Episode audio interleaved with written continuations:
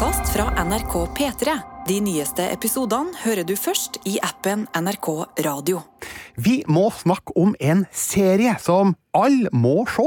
En serie som kombinerer drama, humor og kokkekunst. Vi har gitt terningkast seks til The Bear.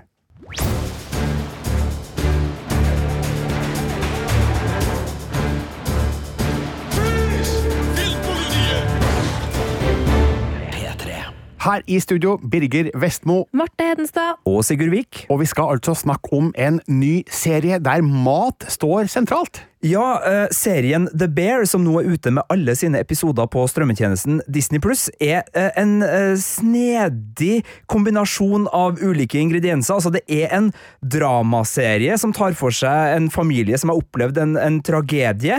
Det er en komiserie fordi det er så mye artig som skjer her. Og så er det også en matserie fordi det her foregår på kjøkkenet, og handler da om en tidligere mesterkokk som har vært på New Yorks beste restauranter, som heter Carmen uh, Carmi Berazzo, spilles av Jeremy Allen White. Og så dør broren hans, og han arver familiens restaurant i Chicago, så han må dra tilbake dit, eller han drar tilbake dit, for å liksom uh, fikse opp den restauranten. En sandwichbasert restaurant. Og det er da på det her kjøkkenet på uh, The Original Beef of Chicago at uh, handlinga foregår, og du verden for ei handling. 25 pounds? No, no, no. I ordered 200. What is beef? You still got that meat connect? You get 12.50 for that on eBay. Boom. You cut vegetables like a bitch. Not system. System, baby. System. System! This is your brother's house. I was running it fine without you. Why didn't he leave it to you then? Litt lyd der altså fra The Bear, en serie som står på lista over de seriene vi i Filmpolitiet har gledd oss aller mest til i år. Og hvorfor har vi egentlig det? Hvordan har denne bøssen blitt skapt? Ja, nei, altså Det er jo en, en serie som vi jo har venta på fordi den har hatt premiere i USA mye tidligere enn her. Eh, og så er det jo, som eh, du er inne på, eh, Sigurd, altså det der med eh, kombinasjonen av mat, litt sånn derre eh, rufsete opplegg og noe bra musikk og noe greier. Jeg har jo ennå ikke sett det, så jeg veit ikke om den er så bra som du sier, men jeg har i hvert fall gleda meg veldig til det. Ja, den har noen ingredienser som, som gjør det veldig sånn attraktivt for i hvert fall et, et visst publikum. Altså, det har, øh, Siden den kom da i USA i, i juli, så har vi jo liksom hørt på Jungeltelegrafen at her er det noe, og det er jo den der alternativrocken som preger lydsporet, hvor du har liksom mange artister som Wilco, Refused, Sufjan Stevens, Radiohead, Kim Deal fra The Pixies, her da med solokarriere, også fra The Breeders. Altså, det er så mye raffinert, bra alternativrock, rock gitarbasert, gjerne, som, som preger soundtracket, så bare det er jo en attraksjon for et visst publikum. Så har du dere high end matlageriet, altså det der Michelin-studioet. Jeg er jo ikke noe matmenneske, men altså for dem som elsker å se den type kokkekunst, som elsker referanser til den verdenen, så er jo det her en serie som virkelig også gir dem noe. Og så har det jo kommet ord da om at det her er nok en sånn skikkelig drivende god dramedie, altså det her halvtimesformatet som eh, spesielt i amerikansk TV så har det blitt utvikla de siste fem-seks årene med serier som Atlanta, med Barry, med Transparent, med Better Things, altså det er så mange Master of None, det er så mange gode serier som legger seg i spennet mellom dramaserie med en skikkelig sår klangbunn og humor som virkemiddel, uten at det liksom er den der tradde sitcom-flata som er akkurat så lang, eller 45-minutteren som da var dramaseriens gamle TV-hjem på lineær-TV, da, eller nettverks-TV i USA. Så det er også en serie som, som formmessig virkelig slår fra seg, og jeg må jo bare si altså episode sju av åtte i denne her sesongen er et av de sånn mest formsterke og intense eh, TV-episodene jeg har sett på boksen på lang, lang tid. Så det er en serie som imponerer på, på ulikt vis, men det er jo fordi det er en god historie eh, at det her virkelig er en serie som eh, så mange er så glad i, og som eh, da får terningkast seks også her i Filmpolitiet. Du sa litt om handlinga i sted, men det handla altså om Carmen Berazzo, spilt av Jeremy Allen White. Og hvor er han hen når vi møter han i serien? Da har han akkurat kommet tilbake til familiens lille, ganske nedslitte restaurant, eh, som da eh, heter The Original Beef of Chicagoland. Jeg tror jeg kanskje jeg sa det feil eh, i, tidligere i podkasten, beklager det. Vi får vite at han har tatt over den her fordi han har arva den fra broren sin, og broren har tatt selvmord litt tidligere så får vi også ganske tidlig vite at uh, her er det trøbbel på restauranten, fordi det er en økonomi her som er ganske skakkjørt. Så på ei side så spennes det veldig tidlig opp uh, en restaurant med alle de ansatte, da, de ulike kokkene, folk som jobber på kjøkkenet og, og folk rundt, som nå har liksom levebrødet sitt på spill. Altså, vil de klare å berge restauranten sånn at de får uh, ja, mat på bordet? det får de jo heldigvis på jobb, da, så det er jo den store fordelen.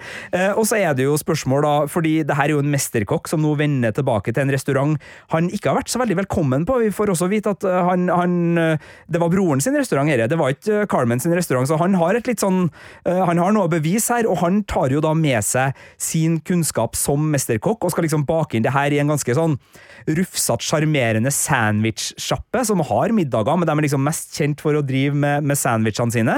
Så det er da en kamp om å liksom også da klare å vinne på sine styrker. Så han skal ikke bare få den restauranten her til å overleve, han vil jo at den skal bli eh, en, eh, en forlengelse av hans uh, matidentitet og hans kokkekunst, og dermed liksom at det er det som, som, redder plassen. Og så eskalerer jo så mange konflikter, både arbeidsplasskonflikter, familiekonflikter, det viser seg at det er flere ubetalte regninger enn han kanskje var klar over på den plassen her, og det går da bare liksom framover, samtidig som det er så hjertevarmt og fint å følge denne gjengen, fordi de, selv om de er litt sånn uh, imot endring i starten, de her ulike kokkene på kjøkkenet, og har ulike grunner til å frykte kanskje endring også, fordi de har jo sitt system, og det er jo noe helt annet som kommer nå. Vi kan jo alle kjenne på den her 'skal arbeidsplassen omorganiseres', sier du?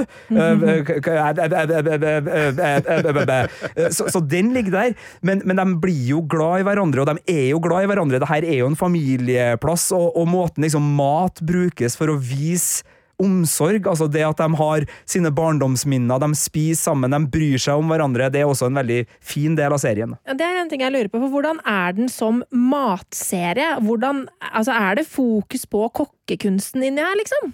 Det er uh, todelt, det fokuset på mat. Uh, selvfølgelig så er det en uh, lekker kokkeserie hvor det er veldig mye skjæring av biff og fresing i panne, og det snakkes om hvordan fire ulike plommer brukes på ulik vis til å bli akkurat den ene retten som tar helt fantastisk lang tid å lage, men som da er da liksom den her utsøkte. For de snakker jo om Eh, high-end uh, matlaging også.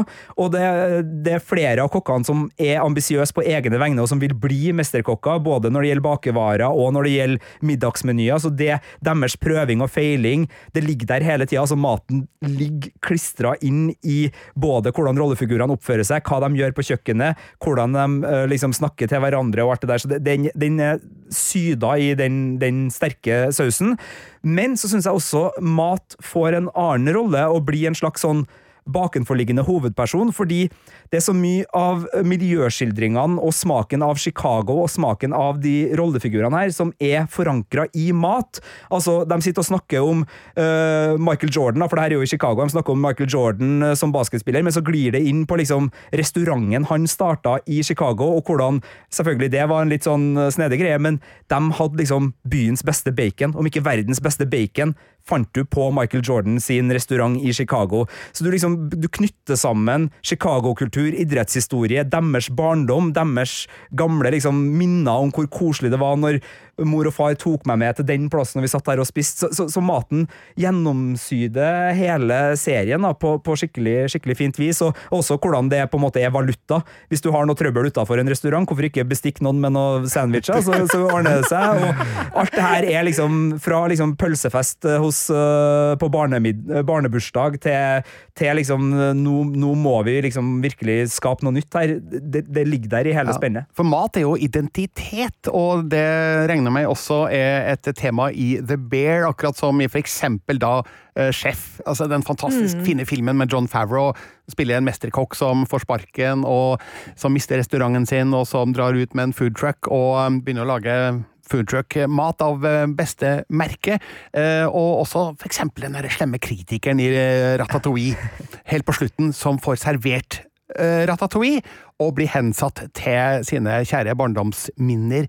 Eh, altså, er det mye av det i eh, The Bear? Altså, denne superkokken Carmen, eh, kommer han tilbake til røttene sine matlig sett her? Eh, Nå skal ikke jeg spoile, og, og det jeg har sagt om serien så langt eh, altså det, det skal ikke være eh, handlingsspoilende, tror ikke jeg, for, for noen. Så, så ikke vær eh, det, det, Mye av det her skjer allerede tidlig i, i serien. Og jeg skal være litt forsiktig, forsiktig med å svare på akkurat det du, du spør om der, da. Men det jeg kan si, er at både matkritikk eh, og eh, de rettene man har fra eh, hjemmetradisjoner og barndom, er veldig viktig her. For det er klart det er Nå har vi snakka mye om det som er liksom på overflata, og det som er eh, eh, attraksjoner med serien, men det, men det ligger jo en dramaserie inni her, og den dramaserien handler jo om en familietragedie. Eh, og der eh, Ja, nå ble jeg nesten litt rørt, fordi den har de strengene også. Eh, der er jo maten veldig sentral.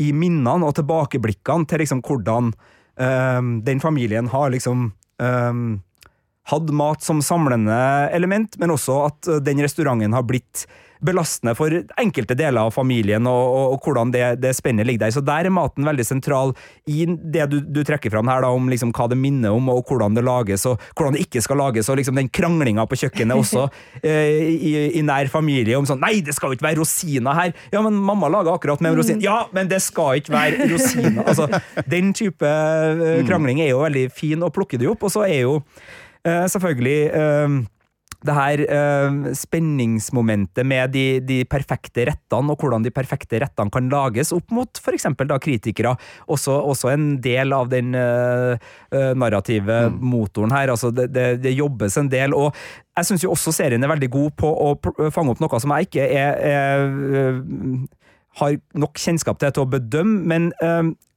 kjøkkenet som arbeidsplass, og hvor stressende, hvor psykisk belastende, hvor, hvor intenst og, og hvor brutalt det kan også være, og hvordan den kulturen rundt liksom de, eh, de beste kokkene er. Jeg, jeg vet jo ikke hvordan det her er, jeg har aldri besøkt en sånn arbeidsplass, men øh, serien gjennom da tilbakeblikk til New York blant annet viser jo hvor nådeløst og hvor fælt det er å jobbe i sånne settinger hvor prestasjon og øh, øh, avfeiing Altså, vi har jo alle sett litt reality-serier om kokker som kan være litt slemme mot andre som har prøvd og gjort sitt beste og laga noe, og så er det bare sånn Det er bare Nei!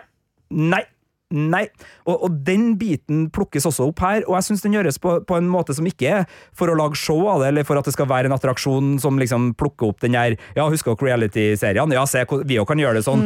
Men det er der for å illustrere eh, det mentale presset. Uh, det, det, altså det er angstanfall blant rollegalleriet her. Det er gamle traumer. Det, det er mye som ligger og koker under overflata, for å eh, bruke en, et, et matbilde der.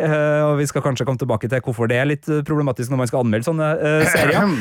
Et lite frampek. Men, men jeg syns serien også fanger opp den sida veldig godt. Altså, det gjøres ikke til eh, en, en sånn overflateattraksjon. Det, det får lov til å være en sentral del av serien, og det veves tett sammen med de sorgprosessene som flere av rollefigurene opplever, og de påkjenningene de opplever. Og det er en sosialrealisme og en ekthet i serien, fordi det her er Det, det er et eh, post-covid-USA, eh, hvor vi får kjenne på at det er en restaurant som har klart å karre seg gjennom en utrolig vanskelig periode. Det er veldig mange som har karra seg gjennom en veldig vanskelig periode, også økonomisk, også sosialt. Altså, det har tæra på familierelasjoner, det har tæra på mye, og øh, øh, det, det er en sånn Altså, eh, det er mye hjertevarme, lunhet og en feel good-faktor inni serien her, men det er også en serie som er fullstendig selvsikker nok til å virkelig gjøre det ganske ubehagelig og ganske intenst og ganske ekte, fordi den lar oss kjenne på hvor fælt det kan være, og, og hvor vanskelig det kan være. Så den, den øh, bøyer ikke seg bort fra, fra det som er skikkelig, skikkelig eh, krevende å, å se fra sofaen også, og, og jeg syns jo det er en styrke, fordi uh, det gjør jo samla sett at både formen og uttrykket, spesielt da i denne episode sju, som jeg nevner som, en, mm. som er den nest siste episoden, skal ikke si noe om handlinga, men, det, men den er virkelig en sånn episode hvor lydsida, eh, kameraarbeidet, eh, manus, rollefigurutvikling og alt jobber sammen for å bli en høyere enhet, hvor du bare liksom sitter der og kjenner med hele kroppen din. Altså, det, det, eh, det er vel 12-13 minutter som er ekstremt intens av de 20 minutterne, og, og du, blir, du, blir, skikkelig svett av dem, altså. Og, og, det er ikke at du sitter her og, og liksom koser deg foran TV-en og slapper av med, uh, med en matdramakomedie. Da, da sitter du der og bare kjenner trykket av det som skjer på skjermen. og det er virkelig TV-kunst, og det er et fantastisk stykke TV som serveres eh, opp mot tampen av denne eh, sesongen. Du dro en parallell til sånn kokke-reality-TV, som jeg vet er stort i husholdninga di, Marte? Ja, absolutt. Mannen min er eh, storforbruker av sånne kokkeprogram. Mm, hvorfor tror du vi er så fascinert av livet på kjøkkenet? Nei, det er noe med Det er jo noe med det derre hva mat betyr, er jo én ting. Eh, hvilke følelser og alt mulig sånt som ligger i mat. Og så hvis man er glad i å lage mat sjøl, eh, som jo mannen min er, så er det jo sikkert veldig spennende For jo, jeg hater jo å lage mat, men så, eh, så, er det jo sikkert spennende å, å se hvordan det gjøres, og se teknikk og få et litt sånn innblikk i hva er det som på en måte løfter en rett til å bli noe mer. Eh, for hvis du er en person som, som liksom liker å holde på på kjøkkenet og, og liker å kokkelere og, og, og utfordre seg selv litt, så får man jo litt inspirasjon, da. Mm, det er det jeg liker med å se kokkefilmer og kokkeserier. Det er å få inspirasjon til å gjøre noe annet på kjøkkenet sjøl. Jeg gjør det selvfølgelig aldri, men jeg får i hvert fall ideen om at det går an å lage noe annet enn de fire-fem rettene jeg stadig vekk kommer tilbake til, og som jeg har blitt eh, ganske god på. Men hvordan funker det i The Bear? Altså, er det matporno? Eh, til tider, ja. Altså For min del, som er en uh, veldig enkel uh, kokk, så, så syns jeg jo sandwich-inspirasjonene her er helt nydelige. Det er jo der jeg virkelig blir glad å bare se at de stapper biffkjøtt og chili og løk og alt mulig godt ned i sandwicher, og bare tenker at mm, skulle ønske at den der plassen lå på vei til jobb. Da hadde jeg vært ti uh, kilo tjukkere med en gang. men det er klart, altså, her er det ferdigheter. Jeg er jo ikke kokk så jeg vet jo ikke om serien representerer der ordentlig, men de har jo med altså Matthew Mattison, som er en av mine favoritt-Instagram-kokker. En uh, god og rund og blid kanadisk kokk. Han er jo med som birollefigur her, som en vaktmester, men han har vel også vært med og ja, Så han liksom, spiller ikke seg sjøl? Han spiller ikke seg sjøl. Han, han spiller en spille uh, sånn glad, glad vaktmestertype ah. som, som, dukker opp med jevne mellomrom. Ja. Men han er jo uh, kokk, og jeg har forstått det sånn at de har hatt gode konsulenter for å sørge for at matlaginga ser rett ut. og Ferdighetsmessig så, så ser det inspirerende ut. Jeg syns jo også fokuset på liksom hvor kreativt det her er. Mm. Og, og, liksom sånn, å, den mangler syrlighet, og den mangler det, altså sånn, hvordan liksom retter komponeres, og den måten å tenke på mat på, da, som jeg aldri gjør, selvfølgelig. altså Jeg bare lager noe, og så er det godt eller ikke godt, men jeg sitter jo ikke og tenker liksom uh, Her skulle det ha vært noe som hadde liksom uh, stått imot. altså Her er det noe med konsistensen som ikke passer med. altså Den type ting, det går jo over hodet på meg, men serien har det i seg, mm. i hvert fall. Og både liksom det der ferdighetsnivået på, på det kulinariske topp toppnivå, og den der uh, at de her er kunstnere. Altså, det som driver dem, er ikke uh, bare det å jobbe eh, på restaurant. De trekker jo linja tilbake til liksom, hvordan det er å jobbe på McDonald's og andre sånne restauranter. Det mekaniske, det å bare liksom jobbe seg opp. Men altså, det flere av dem her drømmer om, er jo å skape sine egne retter. Med konsistenser, med smaker, med visuell utfoldelse som er liksom kunst på høyde med alt i verden som er, er Eh, skaper eh, og, og kreativt drevet, og, og, som handler om å uttrykke seg sjøl. Så jeg syns mm. den serien plukker opp det, det spennet veldig godt. Og så er det Her syns jeg også liksom, serien klarer å plukke opp noen øh, større tanker rundt liksom øh, hva som skiller øh, det liksom funksjonelle og det som skiller det, det, inspirerte og det kunstneriske, også litt sånn i musikken, fordi mye av musikken den bruker, og måten den bruker musikken på, er jo en belønning til dem som er begeistra av artister som øh, selvfølgelig ligger og lefler i et poplandskap, men som kanskje er kjent for å gjøre seg øh, ekstra flid med en estetikk som er vanskeligere å, å gyve løs på, men som også da har større belønninger. Altså her er det altså Band som Wilco, Radiohead uh, og, og, flere, altså Refused ikke minst. altså Det, det er jo Kalle det litt sånn uh, artister som, som kombinerer uh, popaspekter med ganske krevende elementer, og eksperimentelle elementer, og, og serien her òg syns jeg eh, kler de artistene godt da, ved å gjøre mye av det samme. Altså, her er det kunstferdige montasjer, her er det poetiske drag, eh, og, serien starter jo med en scene med en faktisk bjørn eh, som skal representere noe, uten at jeg skal gå noe videre. Men altså, det er en eksperimentell serie, og det gjør jo at den er ikke et perfekt mesterverk som liksom er som en delikatesse som skal skinne i alle overflater og liksom føles fullkomment. Den er sjarmerende rufsete, den spiller litt ujevnt, den har varierte ingredienser, og som en god sandwich, da, i hvert fall for min del, hvor du liksom tenker sånn Ja, det her hadde ikke jeg sett for meg at skulle funke så bra, men du verden så smakfullt det ble.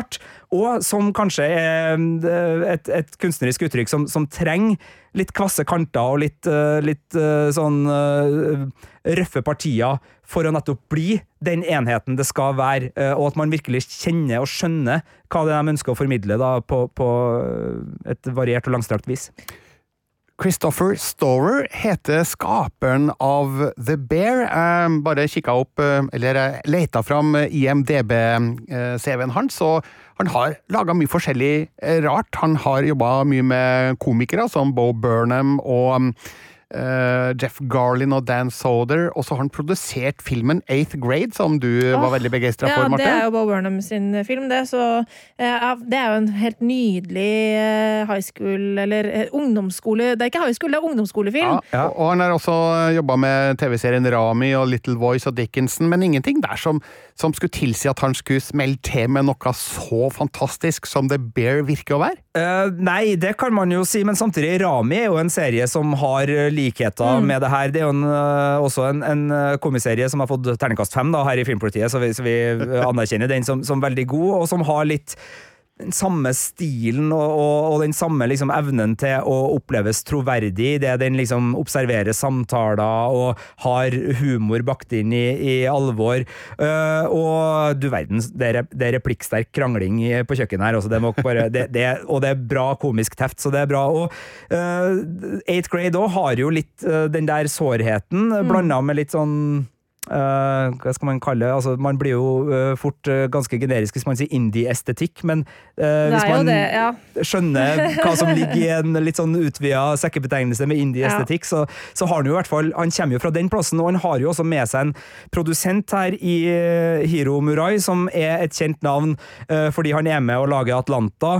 han har gjort mye med, med Childish Gambino slash da Donald Glover. Han har også vært med å lage Station Eleven og, og er med på, på Barry, så, så det er jo noen skaperkrafter her som kommer fra uh, TV-miljøet som ikke nødvendigvis har drevet og lagt seg etter uh, det breieste publikummet. Her er det kunstnere og serieskapere og serieregissører som, som har valgt litt mer uh, sånn smale uttrykk for å fortelle sine historier. Du nevner litt om god komisk timing, og du har snakka om denne familien på dette kjøkkenet og sånn. Altså, hvordan er castet her, og ikke minst eh, hvordan er eh, hovedrollen? Eh, vi har jo sett eh, han tidligere i eh, Shameless, altså Jeremy Allen White. Eh, hvordan gjør han det, liksom? Han er jo øh, en øh, sånn hovedperson som, som virkelig gir serien en, en sterk kjerne, både fordi at det er han som er kjernen av det medmenneskelige dramaet som er så sterkt, og fordi at det er han som på en måte er med i den her spenningsmotoren, da, som er øh, klarer han å finne den matkombinasjonen og klare å styre det kjøkkenet sånn at restauranten skal overleve.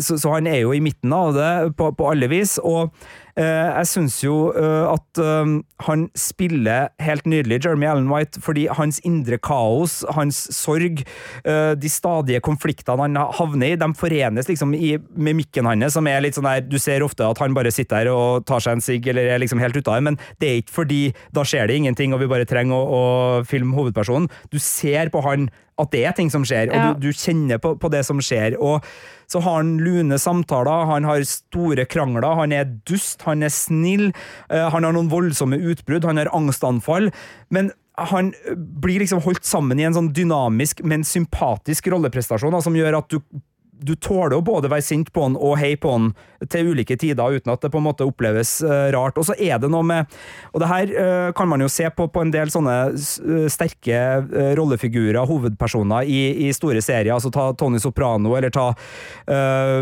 uh, uh, Mr. White, holdt jeg på å si, altså Breaking Bad sin sin Heisenberg, altså Walter White, eh, og, og med flere. Altså det å skape kontrastakser i hovedpersonen din som gjør at de blir interessant på flere lag, det har de også klart å gi til Carmen eh, Bersato på en måte, og, og Jeremy Allen White klarer å spille ut, fordi her er det liksom sånn Igjen da, det, er litt dumt å, å si de tingene, for at det er jo sånn som folk skal oppleve, men altså, la oss si sånn at det er ikke bare gourmetmat han er glad i. Så der har du én konfliktakse. Han vil det beste for familierestauranten, og han vil at alle skal trives, men han vil også at han skal liksom trumfe gjennom sin egen Der har du en akse. Altså, du, du har mange sånne ulike konfliktakser som det er interessant å se på hvor han lander.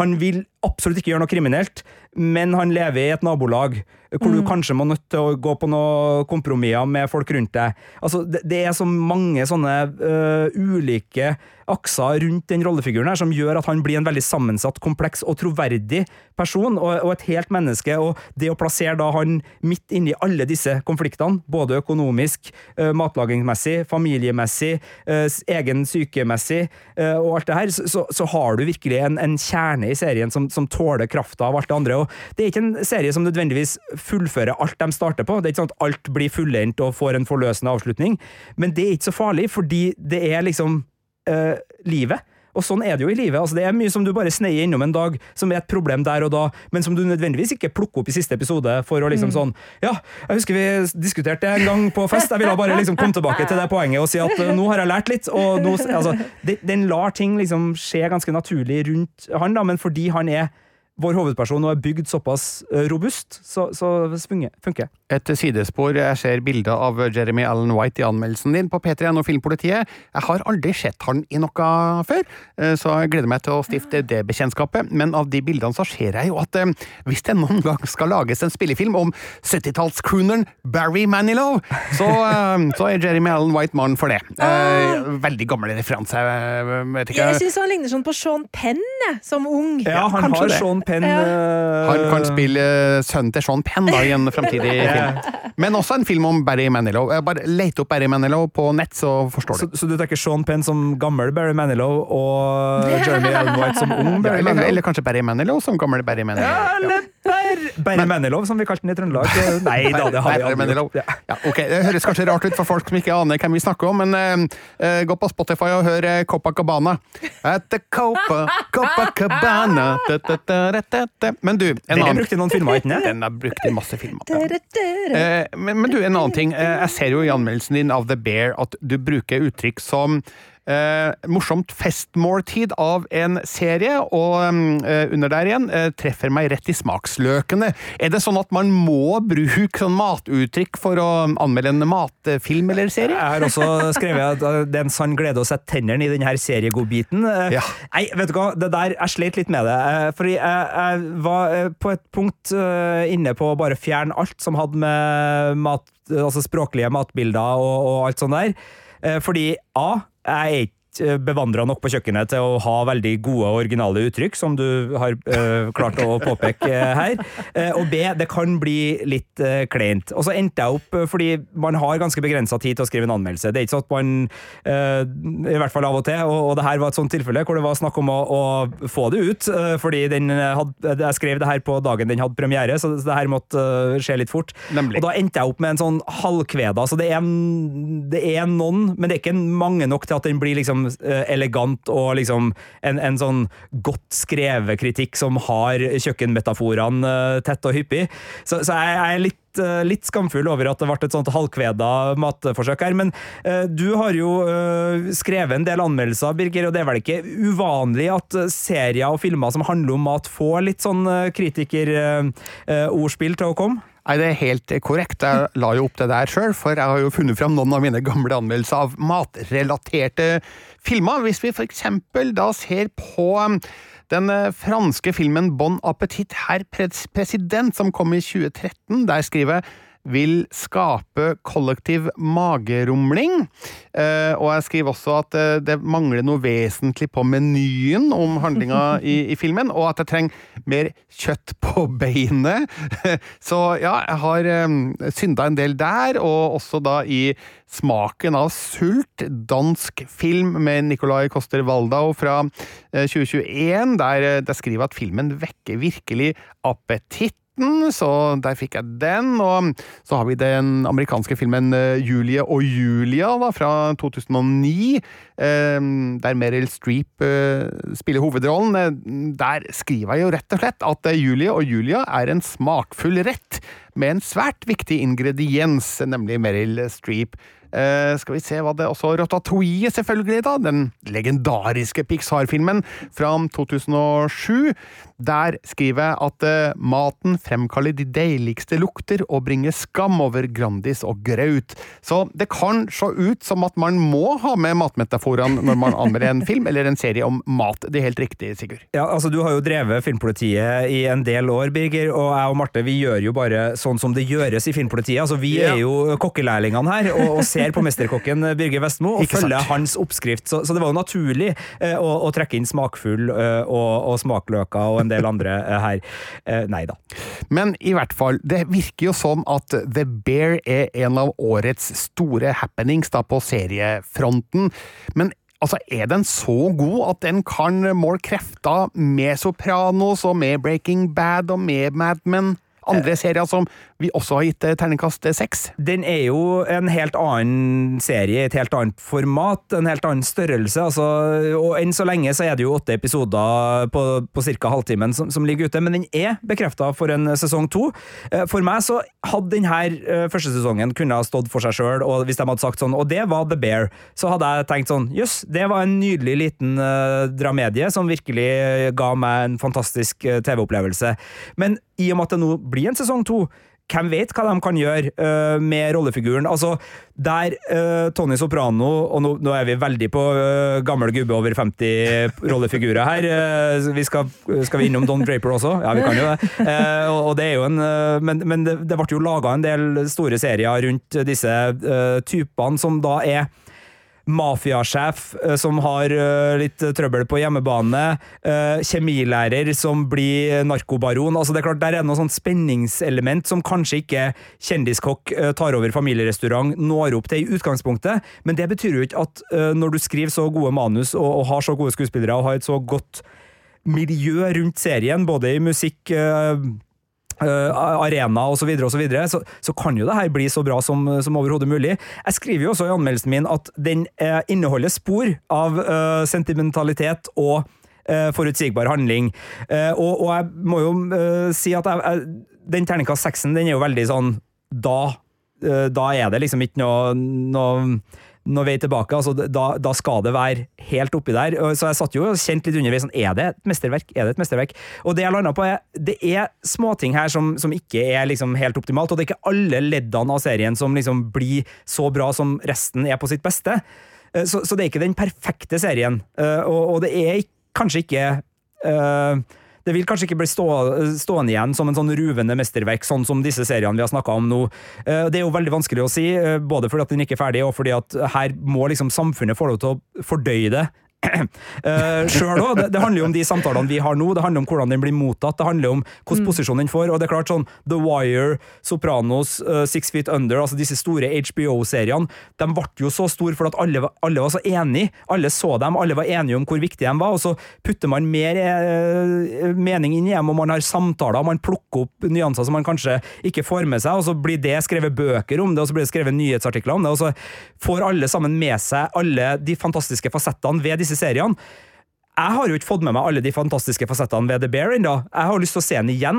Kanskje er det kollektivt sånn at vi ser den sammen, oppdager nye ting ved den, og dermed så blir den bare bedre og bedre fordi vi fanger opp nyanser som kanskje gikk folk hus forbi når de så det hver for seg, men som når vi ser det sammen, så blir det større. Eh, Så jeg håper jo at den får en, en god posisjon, men enn så lenge så er det bare en skikkelig god terningkast seks-anmeldelse fra eh, Filmpolitiet, og, og ikke den eh, eneste serien som får det i år, selvfølgelig. Vi har allerede delt ut noen, noen seksere, og eh, det må jo være lov å være terningkast seks uten at det skal forventes Sopranos-status, eh, er ikke sånn? Det er riktig, og ja, du, altså er det én gang du skal følge magefølelsen, så må det jo bli på en kokkeserie. Eh, og, og jeg syns jo også eh, at en del terningkast seks er opplagte terningkast seks, bare for at man merker at sånn, her er det et mesterverk man har med å gjøre. Altså. Men eh, jeg har også eh, en tradisjon for å gi terningkast seks til de seriene og filmene som bare liksom jeg kan ikke gi noe annet enn terningkast seks til den her, fordi den treffer meg så utrolig sterkt. Altså Reservation Dogs på, på Disney Pluss. Jeg kan ikke si til alle sammen som har kommet bort til meg og sagt sånn Ja, du var jo ganske snill med den, da. Terning, det var bra serie, men terningkast seks? Hæ? Seriøst? Uh, helt fair, men for meg så er det en terningkast seks-serie. Den, den er det. Den er perfekt i sin rufsete sjarm for meg, for det den skal være, hvordan den kommer, og, og hvordan den starter, og, og alt det der. Så, så det er jo sånne ting òg. Det minner meg om den gangen jeg ga Indiana Jones fire terningkast seks på filmfestivalen i Cannes. Eh, Den har jeg også fått slengt ja, i fleisen. eh, Av, meg, blant andre. Ja, av deg blant andre. Har du sett den igjen? Nei, ja, jeg har gjort det, men Ja. det er en stund siden nå. Eh, Da var det en terningkast fem. Ja, ok, Ja, Men terningkast én og seks er liksom så absolutte størrelser, da. Ja. Sammenligna med de andre fire øyene på terningen, hvor du liksom er litt sånn Du er i en bevegelse mot noe, kanskje en sterk firer, kanskje en svak firer, kanskje en svak femmer. Altså, eh, hvis du gir noe 1 av 6, så, så må du jo liksom eh, stå inne for at det enten er fantastisk bra eller skikkelig ræl. Ja, men, uh, men, ja. men eneren er fryktelig vanskelig å gi! Det er enda verre å gi noe av terningkast 1 enn terningkast 6. Ja, i hvert fall sånn som vi i Filmpolitiet bruker terningen. For vi, det er jo ikke sånn at den er likefordelt, sånn at det er ikke sikkert at én er like stor prosentvis andel som terningkast eh, tre og fire. Eh, når det gjelder liksom Altså, du mener at hvis du tar eh, de som bruker 1-100-skalaen, da, eh, Ja. og hvor du skal på en måte dele inn eh, eneren, toeren, treeren på prosentutregninga, liksom? Ja, eller det mest eh, Altså sånn eh, jeg, jeg bruker femmeren mye bredere enn jeg bruker sekseren. Ja. Jeg vet ikke Ja, om dere er gjør det, men, men, men ja. altså, sekseren Den er fordrer smalere fordi den henger så Ja, høyt. Den er helt oppe i toppen der, så Ja. du må liksom over 90 eh, for, å få, Ja. for å få den sekseren. Ja, på, på, på filmfronten så er terningkast 6 da er det 2001, eh, Gudfaren, Apokalypse nå, Blade Runner, liksom. Du er der. Og Indiana Jones. 4. Og. Indiana, og Indiana Jones 4. Når du sier det på den måten, eh, Sigurd, så eh, vet du hva? Jeg tror vi rett og slett bare må eh, si at eh, The Bear det er en serie alle må se på Disney Pluss, for den har fått terningkast seks av eh, Filmpolitiets Sigurd Vik. Takk for innføringa. Nå skal vi hjem og se kokkeserie. Vi som satt her ved siden av Sigurd, er Birger Vestmo. Og Marte Hedenstad. Og ja, hva heter du igjen? Sigurd Vik. Du har hørt en podkast fra NRK P3. Hør alle episodene i appen NRK Radio.